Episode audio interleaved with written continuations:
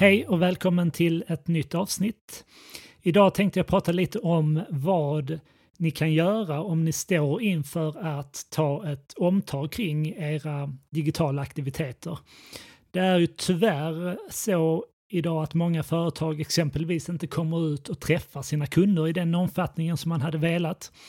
Man kanske på grund av den, den pågående pandemin behöver se över hur kan vi nå våra kunder digitalt när vi inte längre får komma ut och, och träffa dem. Så att jag tänkte bjuda på några tips för vad man kan göra om man vill kunna ställa om för att nå ut bättre till kunderna digitalt. Och det finns ju naturligtvis hundratals saker man kan göra och det här är ett jättestort ämne så jag tänker fokusera på några saker, ge exempel på några metoder och kanaler som man kan se över och börja arbeta lite mer medvetet med för att förbättra den digitala kommunikationen gentemot sina kunder. Och det första jag vill nämna är att säkerställa att det finns en medveten strategi.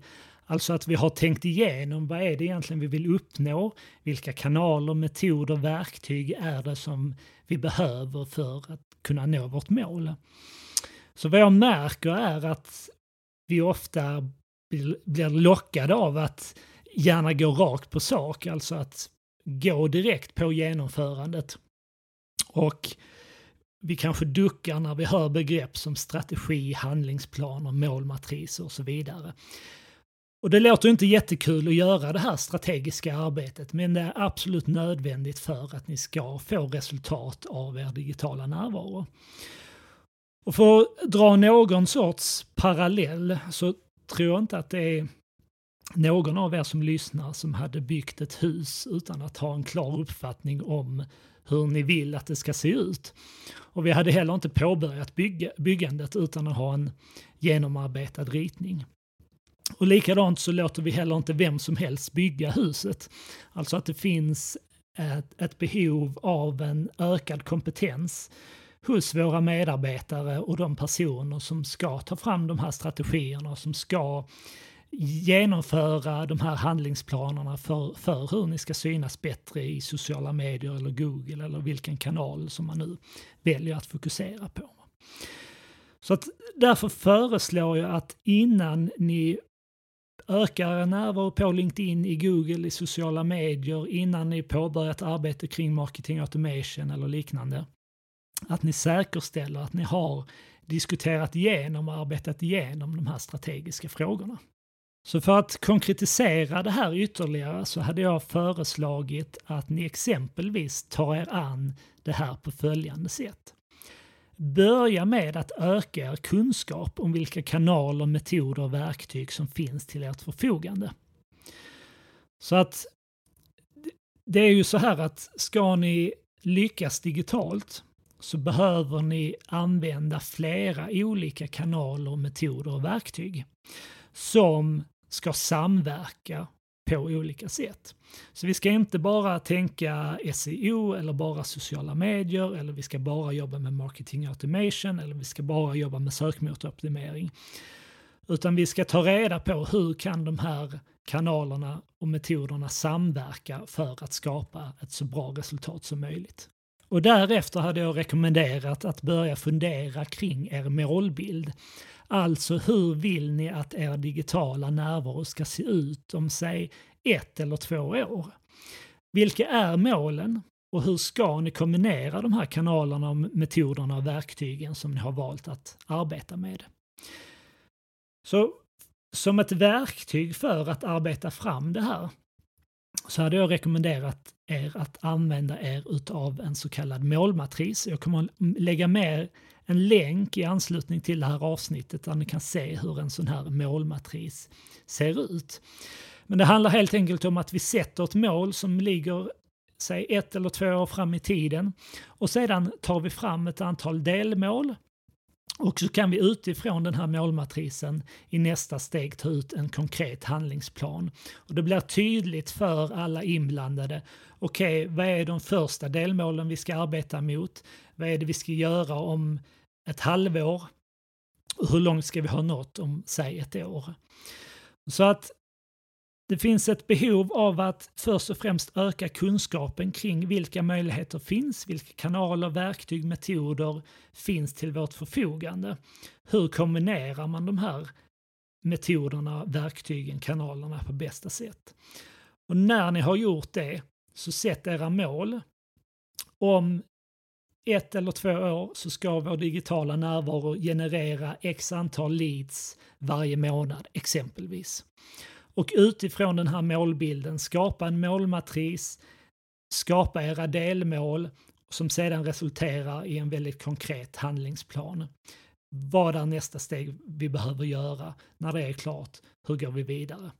Lite beroende på hur kompetensen ser ut i er organisation idag så kan det vara en god idé att ta in en extern samarbetspartner som hjälper i det här arbetet. Alltså så att ni får en person som ni kan bolla idéer och frågor kring, som kan hjälpa er att tänka rätt, som kan hjälpa er att forma den här målbilden och även strukturera ut vilka delmål är det vi behöver göra, hur ska den här konkreta handlingsplanen se ut för att vi på sikt ska nå den målbilden som vi har. För dig som vill fördjupa dig i det här så hade jag rekommenderat att lyssna in det absolut första avsnittet av den här podden där jag ger exempel på 28 frågor som du kan ställa dig när du ser över företagets digitala strategi. En annan sak jag tycker att ni ska se över det är hur företaget syns i Google.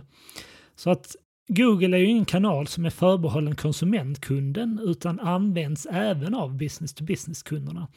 Och det finns flera undersökningar som visar att en stor andel av business-to-business-kunderna även påbörja sin köpresa i den här kanalen.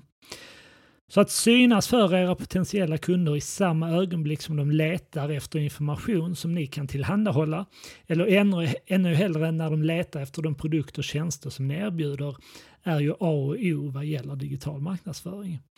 Och här finns det primärt två sätt att öka er synlighet i Google. Den första metoden är genom sökmotoroptimering och fördelen med det är ju att det kan generera en hög andel kostnadsfri trafik när ni lyckas få upp era sidor bland toppresultaten. Nackdelen är att det här är något som tar tid att åstadkomma och det kräver en långsiktig plan för hur ni kontinuerligt ska producera sökoptimerat innehåll. Den andra metoden är ju genom betald annonsering. Och fördelen med det är ju att ni direkt kan börja synas för era potentiella kunder. Nackdelen kan vara ifall det är så att ni har svårt att mäta de interaktioner som ni vill att kunden ska göra så kan det vara svårt att se vilken lönsamhet som annonseringen bidrar till. Men för de allra flesta så ska ni kunna hitta olika nyckeltal som går att mäta på er webbplats så att ni kan utvärdera om annonseringen är lönsam. Så för dig som vill se över företagets sökmarknadsföring så vill jag också rekommendera att hämta vår e-bok om sökmarknadsföring som finns på nivide.se. Jag kommer att lägga med länken till den här e-boken i anslutning till det här avsnittet. Det finns även flera avsnitt i den här podden där jag pratar om Google Ads. Jag kan bland annat rekommendera avsnitt 13 där jag pratar mer om hur du kan göra en sökordsanalys för att ta reda på vilka sökord som dina kunder använder. Ett annat område som jag tycker att ni ska se över är det som kallas social selling och hur ni kan engagera era säljare i sociala medier. Och då tänker jag i synnerhet på LinkedIn. Och det här är ett begrepp som har vuxit fram under de senaste åren som helt enkelt handlar om hur man som individ kan agera på LinkedIn för att öka sannolikheten att man får kontakt med potentiella kunder. Och för dig som vill fördjupa dig i det här ämnet så skulle jag rekommendera dig att hämta vår e-bok om social selling. Jag kommer också lägga till länken till den e-boken i anslutning till det här avsnittet. Lyssna gärna in avsnitt 10, 11 och 16 i den här podden där jag pratar mer om just social selling. Sist men inte minst så vill jag även eh, framhäva att kontinuerligt förbättra din och dina medarbetares digitala kompetens. Jag tar mig alltid tid varje dag och försöker lära mig något nytt, även om det bara handlar om att läsa fem minuter artikel eller lyssna på ett kort podcastavsnitt så har jag som rutin att alltid få in det här i min vardag så att jag kontinuerligt håller mig uppdaterad och lär mig något nytt kring de här ämnena. Jag läser även många böcker, eh, deltar på webbinarier, e-kurser och så vidare. Vi har en hel del e-böcker, artiklar, webbinarier, e-kurser på nivide.se.